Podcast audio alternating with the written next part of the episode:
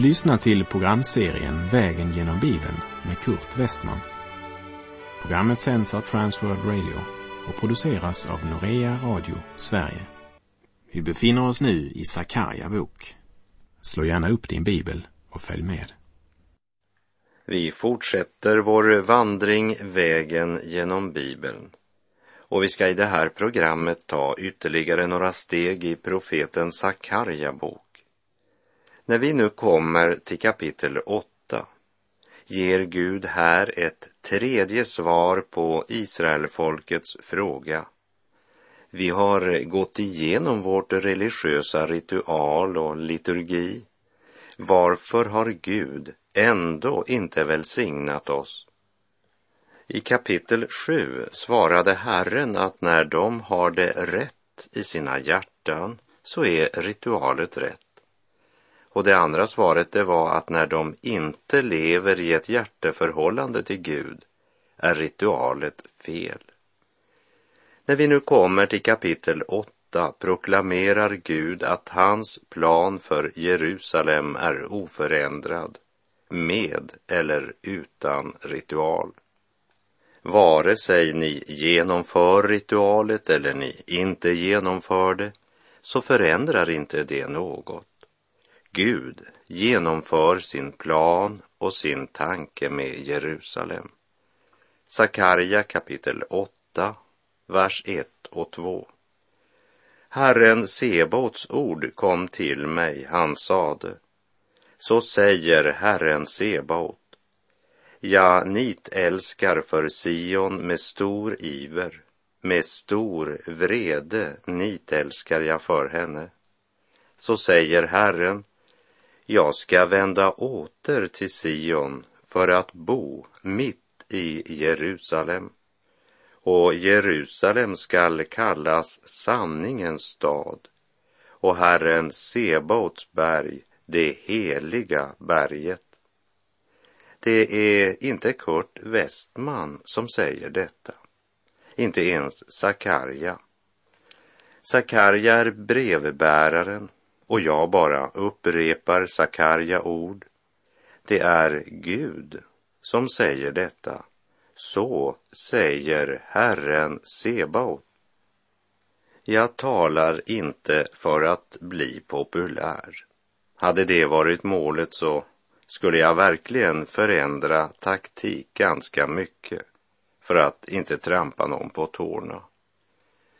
Jag försöker hålla mig till Guds ord så långt som jag förstår och så långt Herren ger nåd till det.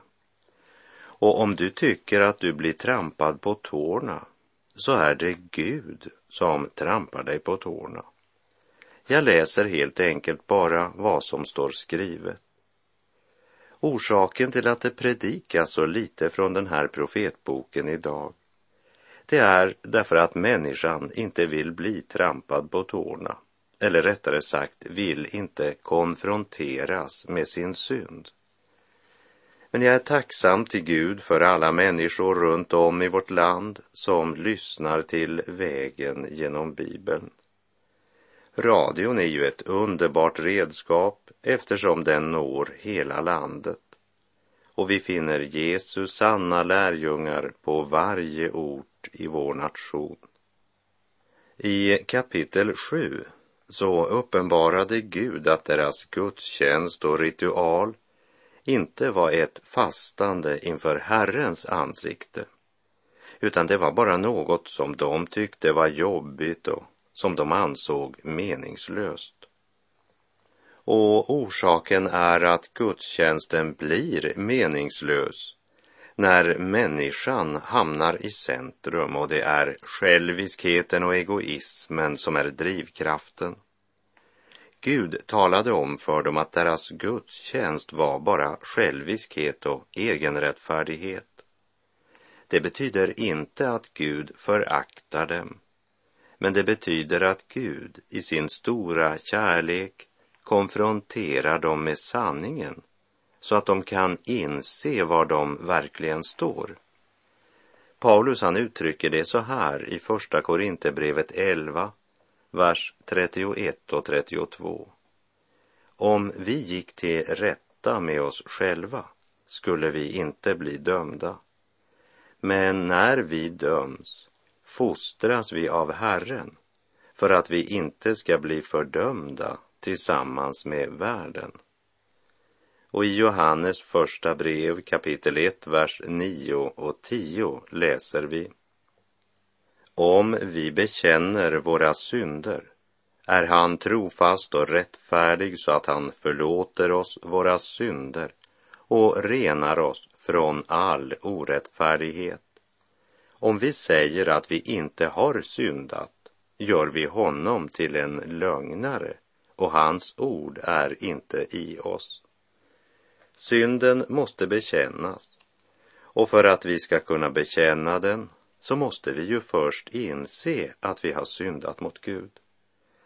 Och eftersom vi blivit så förblindade av synden och denna tidsålders Gud så måste Gud tala om för oss att det viktiga är inte vad vi menar om oss själva. Men frågan är, vad menar Gud? Och genom profeten Sakarja låter Gud folket veta vad Gud tycker om deras religiösa aktivitet, som de själva trodde var Guds tjänst, men som bara var till sorg för Herren. Gud talar om att han nitälskar för Sion och att han ska vända åter till Sion. Och då ska han bo mitt i Jerusalem och Jerusalem ska kallas sanningens stad. Det vill säga deras tomma falska gudstjänst har inte kunnat krossa Guds framtidsplan för Jerusalem. Vilket budskap, vilken nåd. Den profetian var ännu inte uppfylld och det var ju ganska uppenbart för folket. Det är en framtidsprofetia som ännu inte är uppfylld, men som kommer att uppfyllas, precis som allt annat Herren har talat. Gud gör det klart att han ska återvända till Sion. Jerusalem är jordens centrum i Guds ögon och borde ju vara det också för alla Guds barn, oberoende av ålder, nationalitet, kultur eller hudfärg. Gud skall återvända till Sion. Han säger att Jerusalem ska kallas sanningens stad. Det kan man inte säga om Jerusalem idag. Även om det finns mera religion i Jerusalem än någon annanstans i världen. Där har de flesta kristna organisationer byggt ett eller annat. Där finns också alla slags kulter och ismer. Det är allt annat än sanningens stad idag. Men hör, så säger Herren Sebaot jag ska vända åter till Sion för att bo mitt i Jerusalem och Jerusalem skall kallas sanningens stad och Herren Sebaots berg, det heliga berget. I djupet av mitt hjärta en stad jag högt åtrår. Jerusalem, mitt sälla hem, där all min nöd och smärta för alltid avsked får. I djupet av mitt hjärta den staden jag åtrår.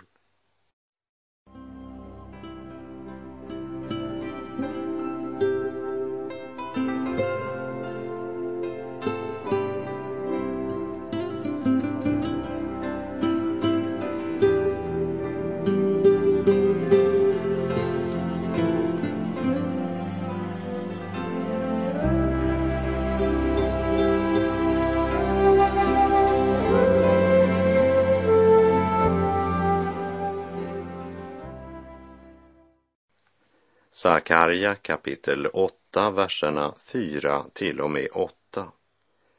Så säger Herren Sebaot, än en gång skall gamla män och kvinnor finnas på Jerusalems gator, var och en med sin stav i handen för sin höga ålders skull. och stadens gator skall vara fulla av pojkar och flickor som leker där. Så säger Herren Sebaot. Även om det kan te sig alltför underbart för kvarlevan av detta folk i de dagarna, inte måste det väl därför te sig alltför underbart också för mig, säger Herren Sebaot. Så säger Herren Sebaot. Se, jag ska frälsa mitt folk från landet i öst och från landet i väst. Jag ska låta dem komma och bo i Jerusalem. Det skall vara mitt folk och jag ska vara deras Gud i sanning och rättfärdighet. Ja, då behöver de gamla inte vara rädda för att gå ut.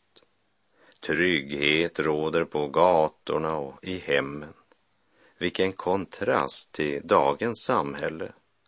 Och barn ska leka på gatorna, så det är visst ingen biltrafik och ingen annan förorening heller. Även om det kan te sig alltför underbart, säger Gud, så betyder det inte att det skulle vara omöjligt för Gud.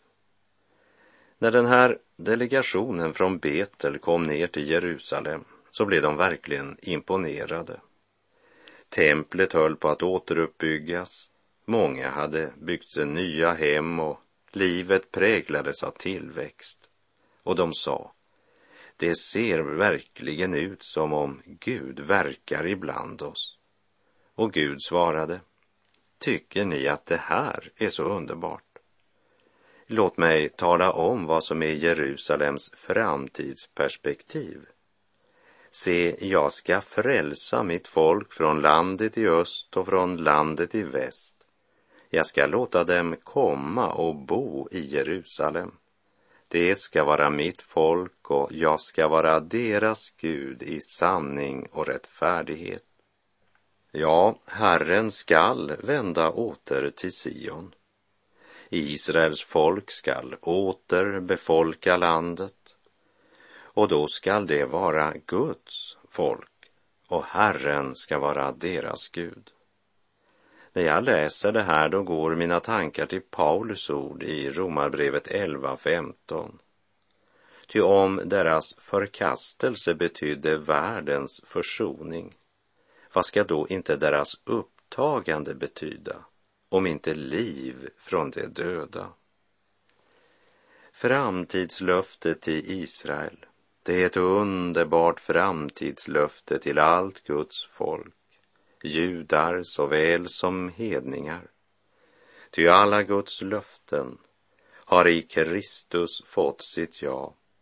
Därför får de också genom honom sitt amen, för att Gud ska bli ärad genom oss, står det i Första Korinthierbrevet 1, vers 20. Se, jag ska frälsa mitt folk. Det ska vara mitt folk och jag ska vara deras Gud i sanning och rättfärdighet. Och Herren säger, om du tycker att det verkar för bra för att vara sant, tycker att det verkar omöjligt, så är det inte alls omöjligt för mig. Jag skall genomföra min plan och tanke. Jag skall frälsa mitt folk. Saliga visshet i Jesus är min. Han som har frälst mig kallar mig sin. Saligt att vandra lydnadens stig. Guds helge ande leder då mig. Låter mig se Guds eviga råd. Stor är hans kärlek, stor är hans nåd.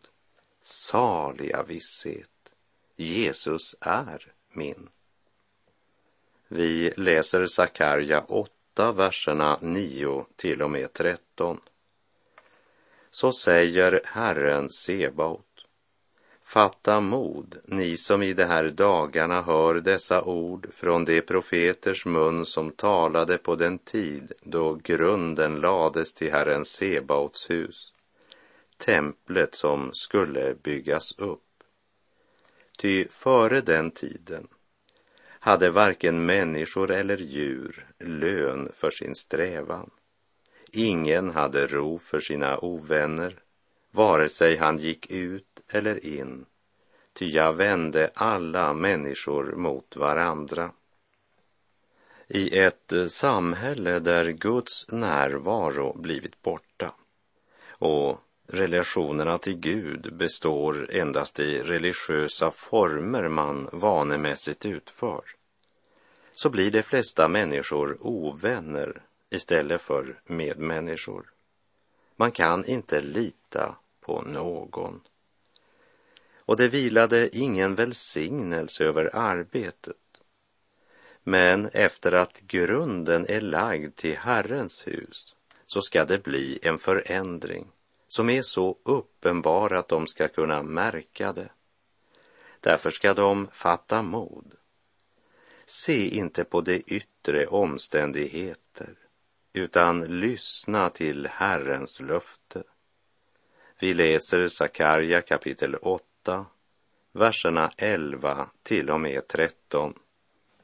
Men nu vill jag inte längre vara så sinnad mot kvarlevan av detta folk som jag var i gångna dagar, säger Herren Sebaot. Ty nu ska friden ge utsäde, vinstocken ge sin frukt, jorden sin gröda och himlen sin dagg. Jag ska låta kvarlevan av detta folk få ärva allt detta. Och liksom ni, både Judahus och Israels hus har varit en förbannelse bland hedna folken, så skall ni nu, då jag har frälst er, bli en välsignelse. Frukta inte, fatta mod.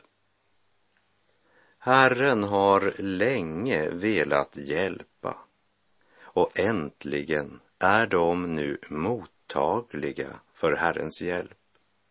Och när han har fått frälsa dem ska de inte bara erfara välsignelsen själva, men de ska bli till rik välsignelse för alla länder och folk.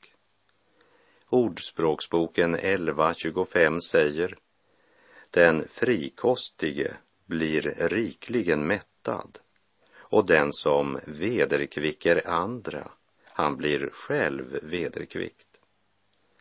Givarglädjen i en församling säger ganska mycket om deras andliga tillstånd.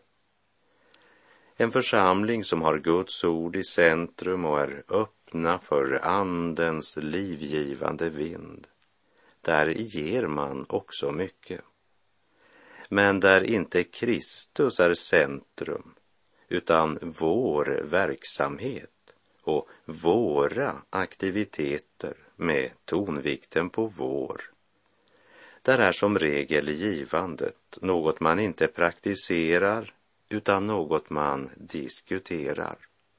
O, säger man, hur ska vi få in pengar till vår verksamhet? Eller som Sakarja uttrycker det, så skall ni nu, då jag har frälst er, bli en välsignelse. Frukta inte, fatta mod.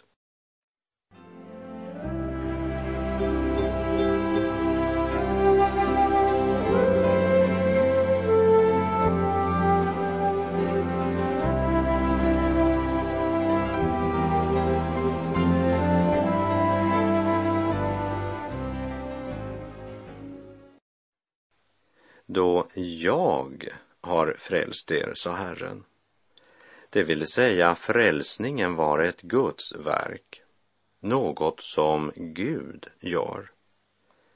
När det gäller frälsningen i det nya förbundet säger Jesus, det är fullbordat. Allt är färdigt. Priset för din försoning är betalad. Du får ta emot frälsningen som en fri gåva. Samtidigt måste det sägas att det kostar allt att ta emot den. Vi är kallade att ta upp vårt kors och följa Kristus. När vi mottar frälsningen, Guds rika gåva, så är det en gåva med vilken det följer ett ansvar. I Efeserbrevet 4.17 säger Paulus, lev inte längre som hedningarna. Och i Romarbrevet 13, vers 13 och 14.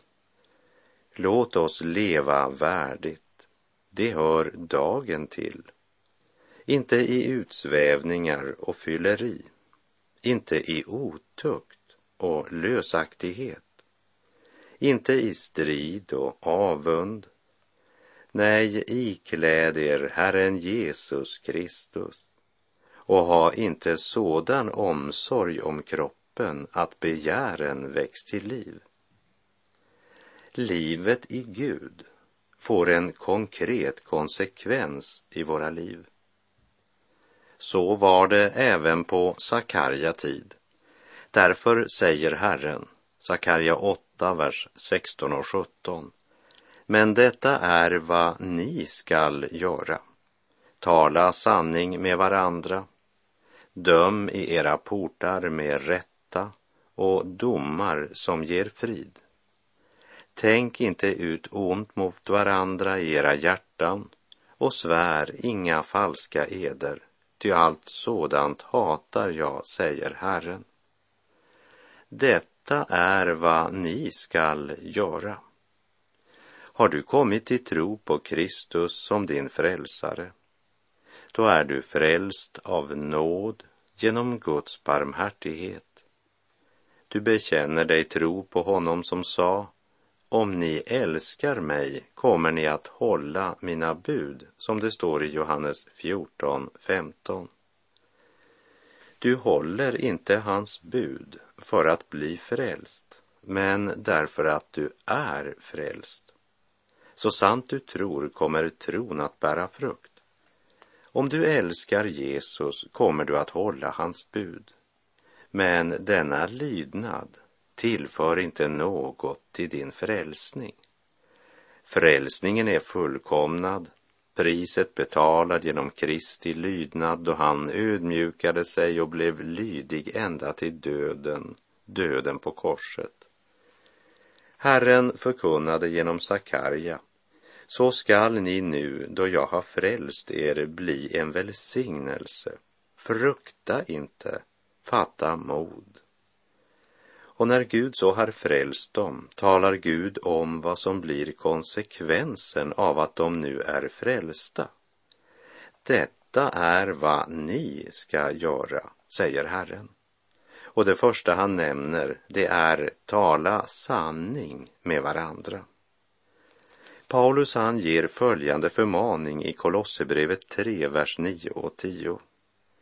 Ljug inte på varandra ni har ju klätt av er den gamla människan med hennes gärningar och klätt er i den nya människan som förnyas till rätt kunskap och blir en avbild av sin skapare. Lögnen, den är djupt rotad i människohjärtat och det finns många kristna som fortfarande hänger sig åt lögnen. Det är skillnad på frestelse och fall och att leva i synd. Så vandrade det tidigare. Då levde de i dessa synder, säger Paulus i Kolosserbrevet 3.7. Men nu ska de alltså föra krig mot dessa synder. Och Paulus tar konkret upp detta med lögn. Ljug inte på varandra. Det var tydligt att det förekom i Kolosse. Det handlar om att dagligen korsfästa egenviljan, köttet, och dagligen bli iklädd Kristi rättfärdighet och uppståndelsekraft och så förnyas till rätt kunskap och bli en avbild av vår Herre och skapare. Det är inte något hokus pokus eller något som bara går av sig själv vi har alla ett personligt ansvar när det gäller vårt förhållande till otukt eller girighet, till vrede eller ondska och till vårt förhållande till lögnen. Detta är vad ni ska göra. Tala sanning med varandra. Det nästa Sakarja nämner, det är döm i era portar med rätta och domar som ger frid. Stadsporten var på den tiden den plats som motsvaras av våra domstolar. Vid stadsporten avgjordes rättssaker och tvister. Gud varnar för partiskhet och för att ta emot mutor eller för att av fruktan för det mäktiga förvränga rätten för änkor och fattiga. Döm med rätta, lyder rådet från Herren. Låt er inte styras av människofruktan, inte heller av personlig vinning. Döm i era portar med rätta. Låt Guds lag vara vägledande och var det svagas försvarare, även när det kostar på. Domar som ger frid. Att ha frid, det är att ha det rätt med Gud. Och det är inte majoriteten som avgör som vad som är en rätt dom. Det är Guds ord som ska vara rättesnöret. Döm domar som lär människorna att göra det som är rätt inför Herren. Svär inga falska eder. Det är den andra sidan av förmaningen. Tala sanning med varandra. Gud förmanar både positivt och negativt. Positivt, tala sanning. Negativt, svär inte falskt. Det vill säga, använd inte Guds namn när du kallar en lögn för sanning. I det gamla förbundet så hette det svär inga falska eder. Men hör vad Jesus säger i det nya förbundet i Matteus 5, verserna 33 till och med 37. Ni har hört vidare att det är sagt till fäderna, du ska inte svära falskt och du ska hålla din ed inför Herren. Jag säger er, ni ska inte alls svära, varken vid himlen, den är Guds tron, eller vid jorden, den är hans fotapall, eller vid Jerusalem, det är den store konungens stad. Inte heller ska du svära vid ditt huvud, ty du kan inte göra ett enda hårstrå vitt eller svart. Vad ni säger ska vara ja eller nej. Allt därutöver kommer från den onde. Guds fruktan är inte först och främst en känsla som är varm eller några fromma klichéer, utan det är praktisk ärlighet i vardagen. Tala sanning med varandra. Sann gudsfruktan är inte bara förankrad i Guds ord och kunskapen om Gud, men också förankrad i våra tankar, ord och handlingar. Trons liv har i högsta grad med vår vardag att göra. Och med det är tiden ute för den här gången. Älskar du Jesus kommer du att hålla hans bud. Herren vare med dig Må hans välsignelse vila över dig. Gud är god.